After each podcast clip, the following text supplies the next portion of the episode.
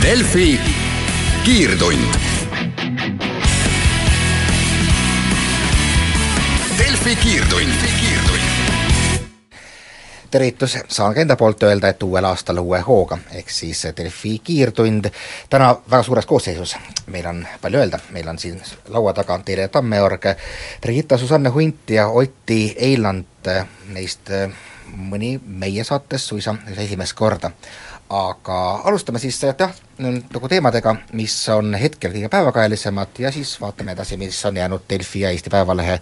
toimetustele nädala jooksul silma. Otti, sa just tulid mm, Välisministeeriumist, kus täna oli võimalik kuulata ka India poole siis arusaami, et mis siis, mis siis juhtus, et Eesti laevakaitsjad, neliteist meest, said küllap kõigi siinsete inimeste jaoks ja küllap ka enda jaoks ootamatult eh, viieaastase vangistuse, et kuidas, kuidas nüüd India kavatseb sellega edasi minna, et kuidas meie kavatseme, me umbes kujutame ette, et me pöördume India poole palvega, et aidake meid seda asja lahendada, aga no vot, et see olukord ongi selles mõttes hästi keeruline, et äh, meil on nagu kolm isegi tegelikult võib öelda neli osapoolt, eks ole. et on, on India, India suursaadik, kes me, kelleks, kes täna kohtus siis äh, Marina Kaljurannaga, on äh, noh, siis Eesti pool, on äh, mehed ise seal India vanglas ja, ja siis on nende oma, omaksed ja, ja sugulased, kes näiteks eile tegid, eks ole, Pealtnägija vahendusel sellise väga emotsionaalse pöördumise. Noh, ei saa ka unustada, et me, meil selline otsesuhtlus küll on, India advokaadiga, kes siis, kes siis vahendab Eesti mehi seal kohtus, küll aga noh, kõik see, kõik see nagu see võrgustik on, on selles mõttes keeruline, suhtlus on natuke ajavahe tõttu ka, ka komplitseeritud ja, ja noh, siin on, siin on nagu äh, keeruline panna näppu peale ja öelda, et mis nüüd, mis nüüd saama hakkab, eks ole. mis on põhiline see, et äh, India äh, suursaadik äh, põhimõtteliselt kordas või vähemalt äh, ta kinnitas kõike sama, mida, mida me juba teame. et midagi uut sealt selles mõttes äh, täna minu jaoks ei tulnud, ma küll üritasin ta käest küsida ja, ja suunata seda vestlust selle peale ka, et nagu ta meil siin oktoobris Eesti ajakirjandusele on öelnud, et et äh, et Eesti meedia on käitunud selles mõttes natuke ebaausalt ja, ja rõhutanud seda, et või noh, rõhutanud just nagu äh, emotsioonide peale ja, ja ei ole min-, mindud mööda faktist, et äh, Eesti meestel olid siiski registreerimata relvad, nad olid India vetes, selle üle on ka tõsiselt, tõsi küll vaidlus, aga siiski, äh, ja, ja et me oleme nagu jäänud selle kajastamisega ühele poole või noh, väga mm, siis äh, erapo-, erapoolikuks, eks ole, et me ei ole, ei ole eh, suutnud võib-olla pilti piisavalt eh, objektiivselt kajastada. noh, et siin, siin on nagu vaidluskohti on, aga, aga põhi, põhiline, mis ma ta-, ta, tahan tõesti öelda, on see, et India suursaadik äh, kordas ja, ja selles mõttes sekundeeris väga palju Marina Kaljurannale. no põhimõtteliselt jah, et, et India puhul erinevalt mõnest muust riigist on me, me võime ükskõik mida arvata teemal, et korruptsiooni tase, tase riigis ja, ja kohtute võib-olla päris sõltumatus, aga, aga me selgelt peame ikkagi Indiat äh, noh, olemuselt õigusriigiks, ehk siis täpselt me ei, saa ka kuskil mingil diplomaatilisel tasandil väga muud välja öelda, kui et äh, kohtuotsus on seaduslik, nii nagu ütles seda Marina Kaljurand, et et kuna ta pole lõplik, ta võib veel muutuda, noh me oleme näinud see kohtu, kohtusaagast, kuidas praktiliselt mitu korda on olnud selline uh, uks praktiliselt lahti Indiast, et võid välja astuda ja siis viimasel hetkel on jälle tagasi tõmmatud kinni, et siis noh, nagu näha, see kõik on natukene niimoodi ette, ettearvamatu. no vot, täna siin, kui me enne ootasime seal siis suursaadikut ja, ja välisministrit, see veni-, venis seal natukene ja, ja siis ka seal üks teine ajakirjanik äh, seal nii-öelda pressiruumis siis äh, viskas selle küsimuse õhku, et et oodake, aga keegi ei ole ju küsinud ja keegi ei ole sellest ammu rääkinud, et kui korrumpeerunud võib olla India kohtusüsteem ja üleüldse India siis. et äh, no see on selline, see on selline nõme teema minu arust, mille üle ma ei tahaks nagu väga noh, mi-, mi-, miks spekuleerida selle üle, kas seal on siis korrum-, korruptsiooni või ei ole. tahaks nagu, tahaks nagu sellise suurriigi puhul vähemalt loota, et, et seal äh, ei ole sellist, sellist noh, kohtu vähemalt tasemel lokkavat korruptsiooni. jah, see võtab kõik aega, see on suur riik, seal on, see kohtusüsteem on kurnatud, nagu, nagu me siin kirjutasime, noh, aga sellest tulebki aru saada nojah, nagu ka Marina Kaljurand ise välja tõi, noh seda küll natukene, ta tõi ka nüüd välja, aga ka, ka juba enne seda kohtuotsust, et et olemuslikult on isegi diplomaatiline surve äh, avaldanud mõju, et tegelikult India kohtusüsteem ei käi nii kiiresti. et seda võib-olla hirmus kuulata nende, kes peavad aastaid kuskil istuma aga, aga see on isegi väga kiire kõik olnud, et, et see on noh, see ongi umbes peamine, mida saab teha. peame arvestama ka seda, et India on föderaalriik, keskvõimu öö, suutlikkus üldse midagi mõjutada on veel eri, eriti väike, arvestades, et see provints on, on ka, ka pealinnast kaugel ja noh, ühesõnaga kohtu, kohalike võimude sõltumatus üsna suur, e, pluss veel üldse riikide suurused, pluss veel äh, ajaloolised mm, ajaloolised tingimused, kuhu me oleme tõmmatud natukene sisse võib-olla. Süütult, aga nii juhtub ikka, et nii kannatame võib-olla meie sellele läbi, mida kunagi tegid koloniaalimpeeriumid, ütleme, praeguses Liibüas, niisamuti ajalooline mm, probleem, ütleme siis endise koloniaalma äh, riigi Suurbritanniaga võib olla praegu vedamas kaasa ka, ka, ka, ka meie ähm, laevamehi no,. see on jälle kahe otsaga lugu, eks ole, et äh, see, et Suurbritannia ja India suhted on, on läbi ajaloo olnud sellised, nagu nad on, äh, et noh, kuidas see nüüd mõjutab, eks ole, et äh, siin Urmas Paet viitas, viitas sellele, et, et noh, kuigi neil on oluliselt pikaajalisemad ja noh, julgen öelda, et võib-olla ka paremad suhted kui meil ja Suurbritannia kindlasti mõjuvõimsam, siis noh, sellegipoolest ka nende, nende kuus äh, laevakaitset on, on Indias äh, vangis ja, ja selle kohtuotsuse saanud, eks ole, et me ei erine praegu siin kuidagi Suurbritanniast. kuidas te teile tundub siin, kui need laevakaitsjad tegid eile oma sellise äh, emotsionaalse pöördumise, siis oli ausalt öeldes emotsiooniline mõistetav, sellepärast et see, mida ütles ka Marina Kaljurand, oli kõik väga korrektne, jah, nad valisid ise sellise ütleme, riskantse töö kahtlase taustaga firmas, aga ta mõjus natukene jõhkralt, ehk siis see arusaadav, et see toob esile sellise no ikka, ikkagi emotsiooni ennekõike, et jääb, et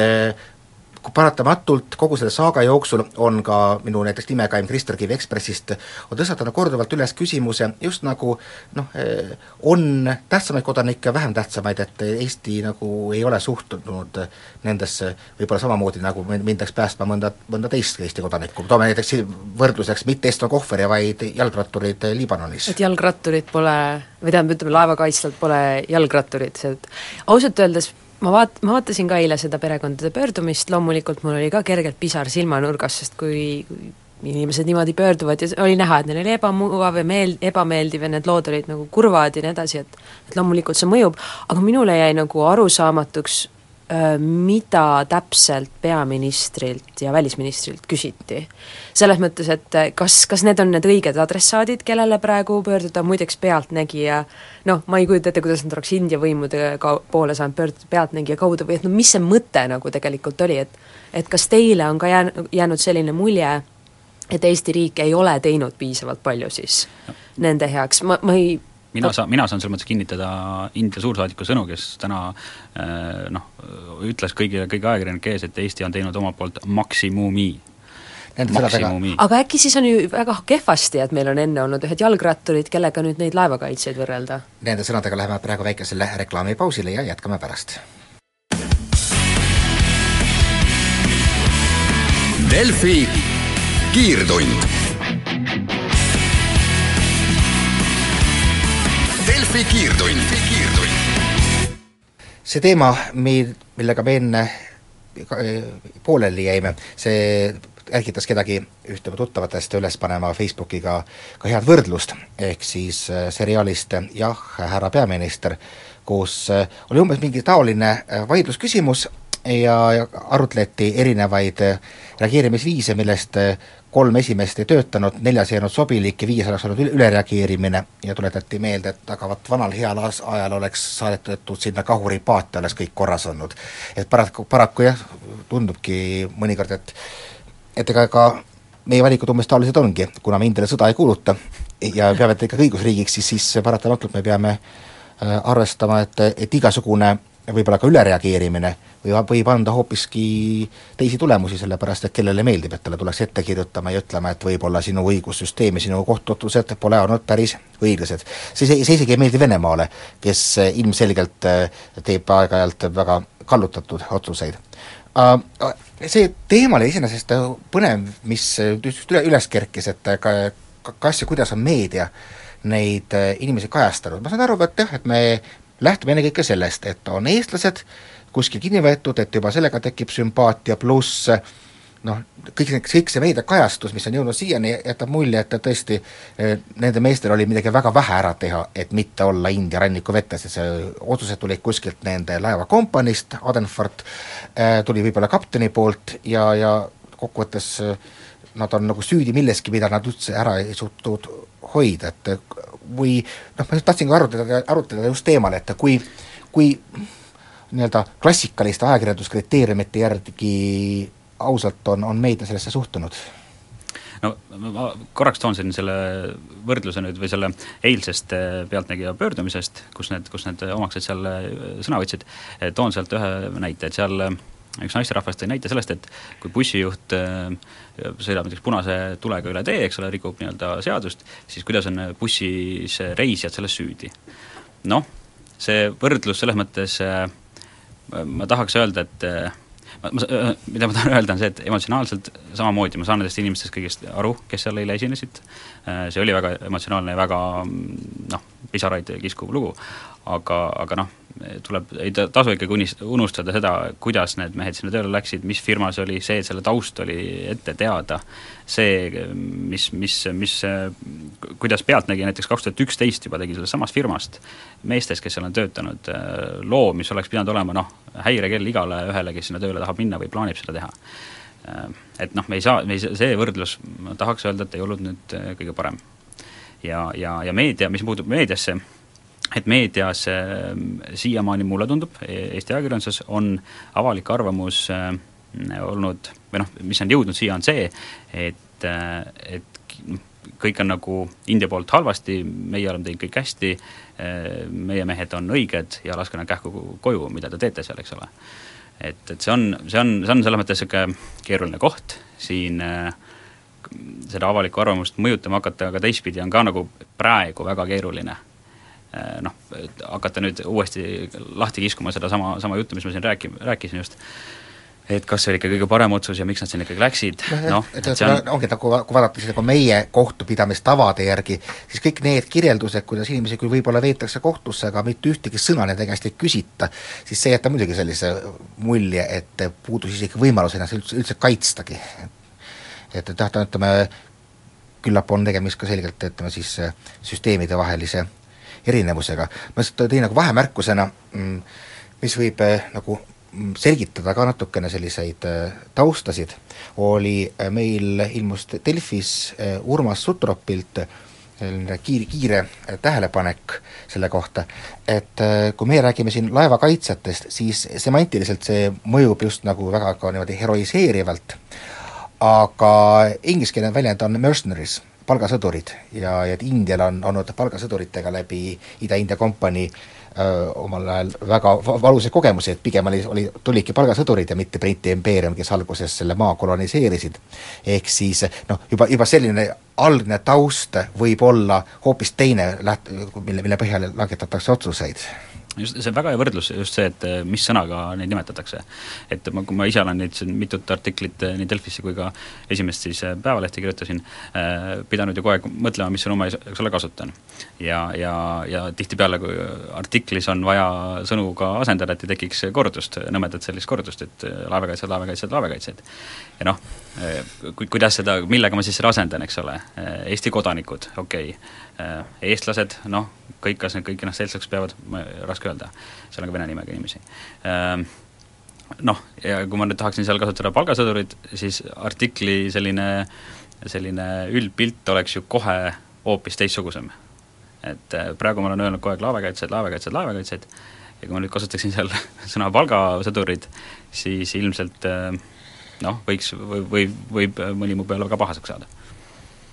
see natuke, natuke sarnane võib-olla kui, kui üldse kõikides konfliktides, kus äh, väga palju loeb, kuidas sa just nimelt inimesi nimetad, noh kas või näiteks Ukrainas, kus need enda kohta, kes Ida-Ukrainas just nagu üles tõusid või siis töö, tööd, tegutsesid noh, de facto muidugi äh, Venemaa invasiooni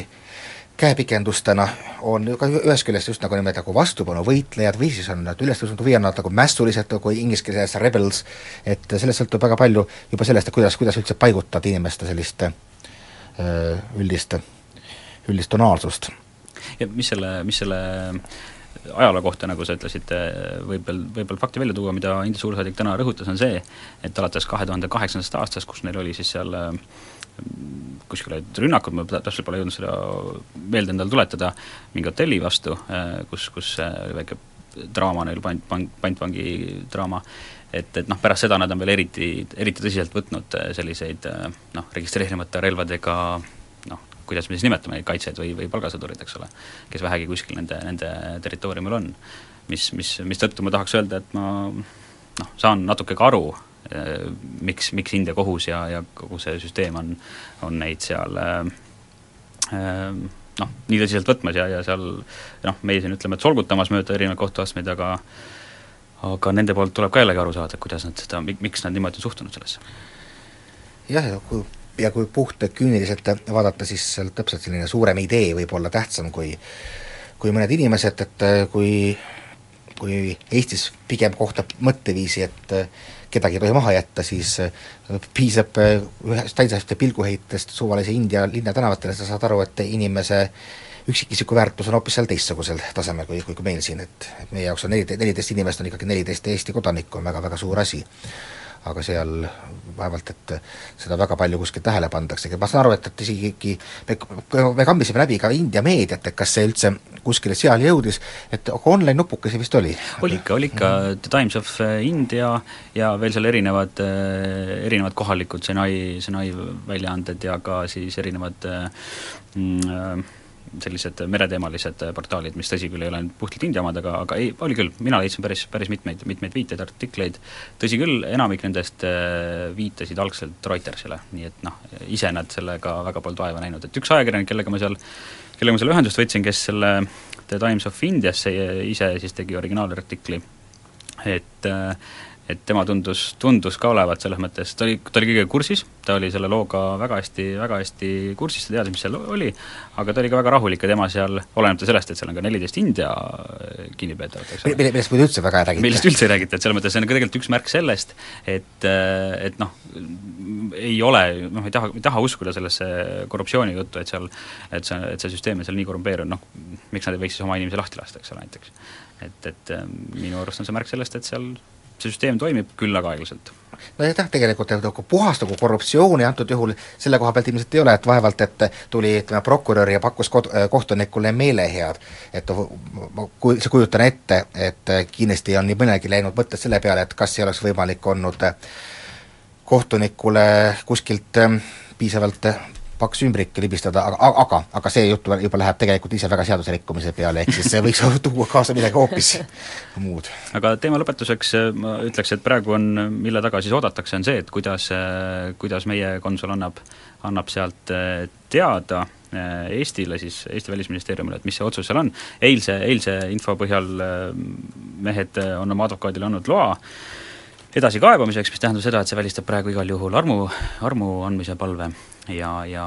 kui see nüüd edasi kaevatakse, nii nagu siis meile teada on, siis see võtab veel kõvasti aega. nüüd aga lähme kuulame ära uudised. Delfi kiirtund. Delfi kiirtund, kiirtund Teele Tammeorg, Brigitta, Susanne Hunt, Ott Eilant ja mina olen Krister Paris ning eetris Delfi kiirtund. kui me esimese pooltunni rääkisime sellest, kus meil on ilmselt väga vähe võimalik midagi mõjutada ja muuta, ehk siis meie laevakaitsjate saatusest Indias, siis võtame nüüd ette selle, kus on väga palju eh, meie enda kätes ja noh, antud hetkel siis eh, meie poolt valitud rahvaesindajate kätes, võtame kätte tänase Eesti Päevalehe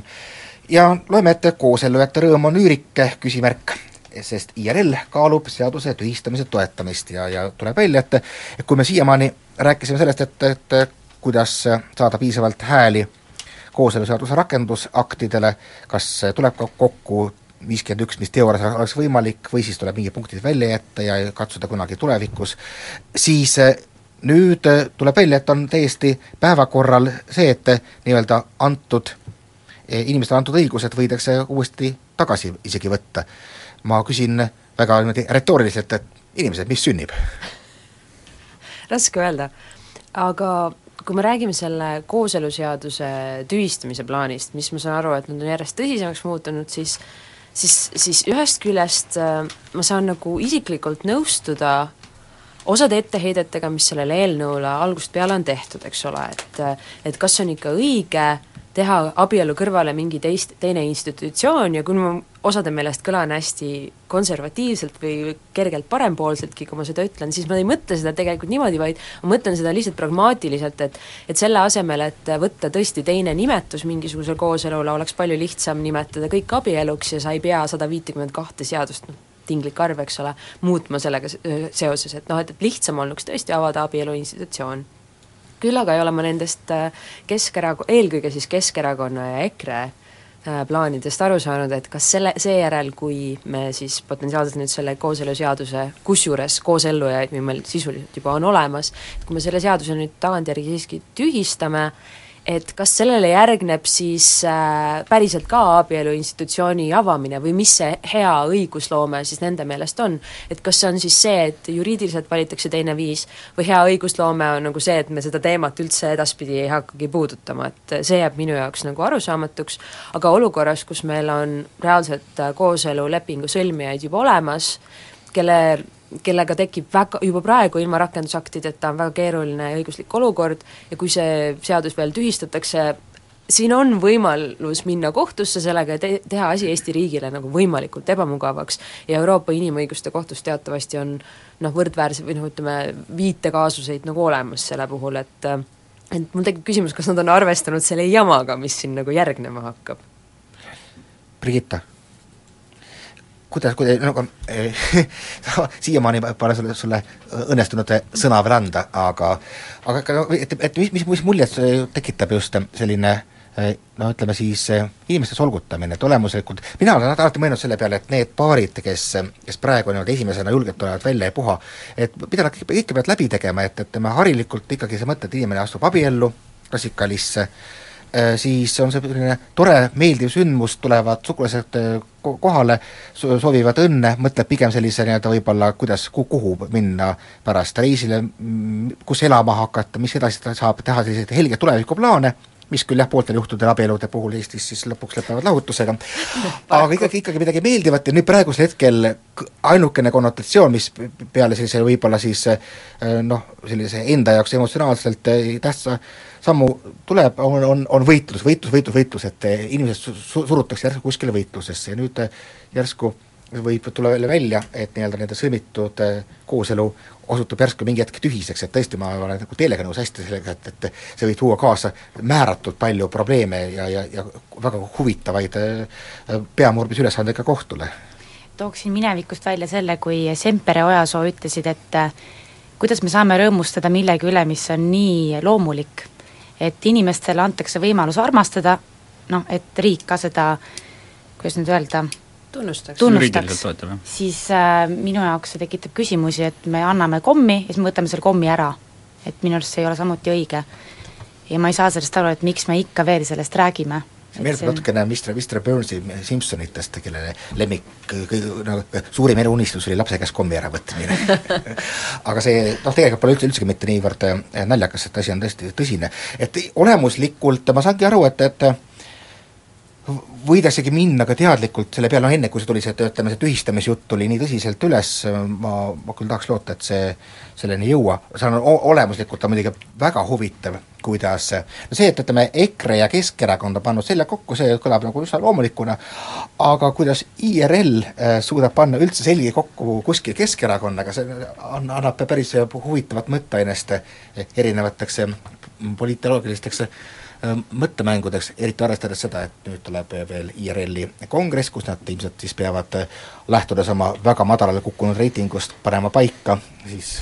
mingisugused uued, uued suunad, mis ma kuidagi ei tahaks küll üldse uskuda, et on uus suund veel koostöö EKRE ja, ja, ja Keskerakonnaga, et see on nagu enda, enda mängimine väga kummalisse liigasse. aga mis ma alguses just alustasin, et, et et võimalik, et see paraku ongi Eesti tee, et kuna on avatud siiski uks, siis tulebki minna kohtutesse ja kohtud peavad lähtuma ikkagi ennekõike õigustatud ootustest, peavad lähtuma sellest, et et inimese huvid tuleb ikkagi seada esikohale, noh, kuni selleni välja, et nagu näiteks mis juhtus omal ajal Soomes, et seal võeti ka vastu öö, samasooliste isegi abielusid luba, lubav seadus ja, ja, ja siis tuli välja huvitav nüanss. et no poliitikud said aru, et näiteks nad ei saa lubada lapsendamist, puhtpoliitiliselt, ei olnud väga kasulik. Aga, aga tuli välja huvitava nüansina see, et, et, et kui on juba abielu, siis sa pead kohtlema kõiki võrdselt. ja ei saa olla nii, et heteropaaridel on ühed õigused ja homopaaridel mitte. ja selle teadmisega võetigi see seadus vastu, küllap minnakse kohtusse ja küllap nad selle kõik asjad kätte saavad, et noh, Eestis on asi kõvasti kaugemal, sellepärast ongi see noh, kooseluseadus ja, ja mingisugune kummaline veel paarkonnaseadus, mille, mis kõlab vähemalt kriitikute meelest täiesti fašistlikult, hakati inimesi liigitama mm. lähtuvalt nende sotsiaalsest eelistusest. no kohtusin nädalavahetusel, käisin Tartus ja, ja kohtusin enda väga hea, no tõesti väga hea, terve elu oleme olnud äh, tuttavad, sõbraga siis, kes, kes on naine, kes elab koos naisega. ja, ja vestlesime sellel teemal ja ta tõi nagu hea võrdluse või noh, mulle see, mulle see väljend vähemalt meeldis selle kohta, mis meil siin viimase, mis see siis on juba kahe aasta jooksul ilmselt on toimunud seoses kooseluseadusega, et need on nagu sellise postsovjetliku riigi sünnitusvalud. selles mõttes, et me ei suuda, see on lihtsalt meie jaoks natuke kiiresti käinud, ta, tema kui eks ole, mõistagi kõik, kõiksuguse sellise temaatika pooldaja ja kõikide nende seaduste kahe käega nagu kaasa, kaasa hõiskaja lihtsalt, lihtsalt tõi selle minu jaoks nagu hea, hea sellise, sellise termini jah, et et see on nagu sünnitusvalud. Nendega me vahel, vahepleme siin, toimuvad ka poliitilised mängud, üks, üks ühtepidi ja teistpidi ja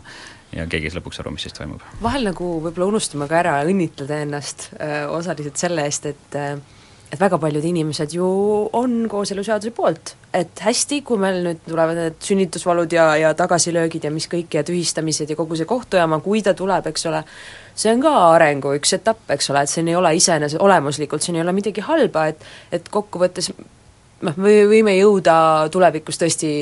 Mm, heade tulemusteni, suurepärase õigusloomeni, väga võrdse ühiskonnani ja nii edasi, et et vahel mulle tundub, et seda protsessi nagu alahinnatakse või et, või et äh, mu lemmikväljend, mis ma, millele ma tahan jõuda, et noh, et, et väita kogu aeg, et Eesti ühiskond pole millekski valmis,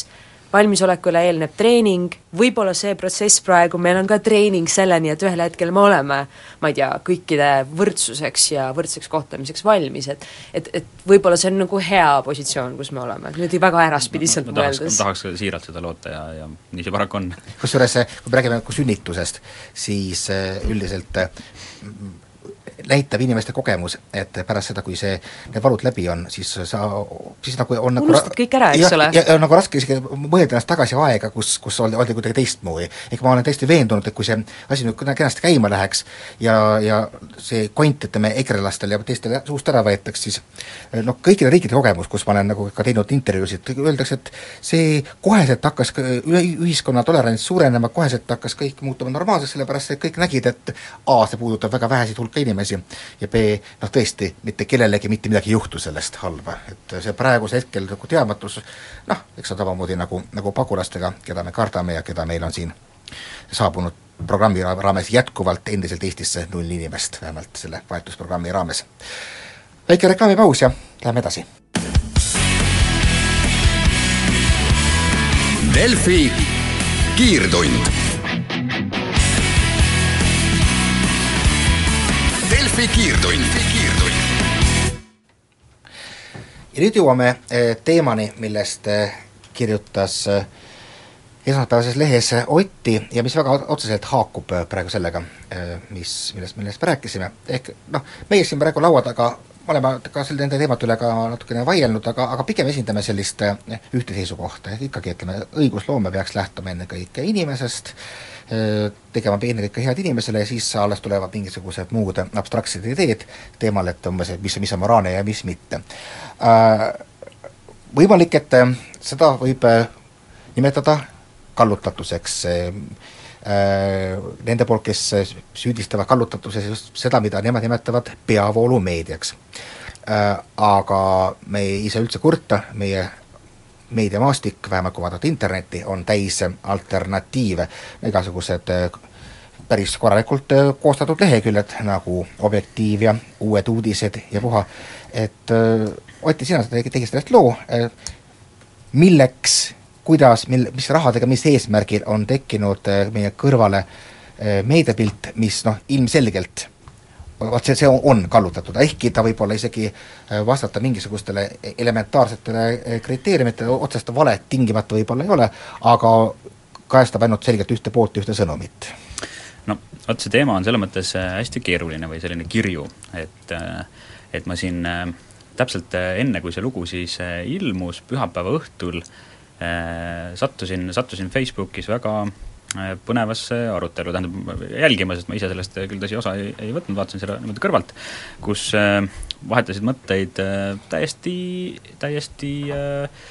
selles mõttes lugupeetud inimesed, üks näiteks Tartu, Tartu Ülikooli doktorant, sealhulgas ka üks äh, täiesti ava, avaliku elu tegelane äh,, aga noh, nimesid siin nimetamata, see ei ole üldse tähtis, mõte oli selles, et nad vaidlesid või noh, arutlesid selle üle, et kas Eestis või üleüldse lääne meedias on, on kohta konservatiivsetele maailmavaadetele ja neile nagu tundus seal ja arutelu läks päris, päris nagu tuliseks, et just nagu ei ole, et konservatiivsete maailmavaadete üle A ei saa teha nalja väga palju või kui siis saab, siis, siis kohe mingisugune ringkond, eks ole, solvub ja, ja läheb asi nagu tuliseks. ja, ja kuidagi on terve siis äh, nii, ma ei mõtle siin ainult ajakirjandust, vaid ka näiteks filmid, sa-, seriaalid, multifilmid, väga siis sellised äh, kuidas neid nimetatakse, va-, vasakliberaalid siis või? Et ehk siis väga sellised äh, nendel teemadel, mis me siin rääkinud oleme, kooseluseadus näiteks või, või noh, üleüldse ta-, taas vaadake Simsoneid, absoluutselt. jah, eks, et, et on kuidagi väga nagu ühte auku see läinud. ja noh, mina selle tee-, selle teema siis äh, äh selle, selle artikli kirjutajana äh, avastasin ennast ühtäkki nagu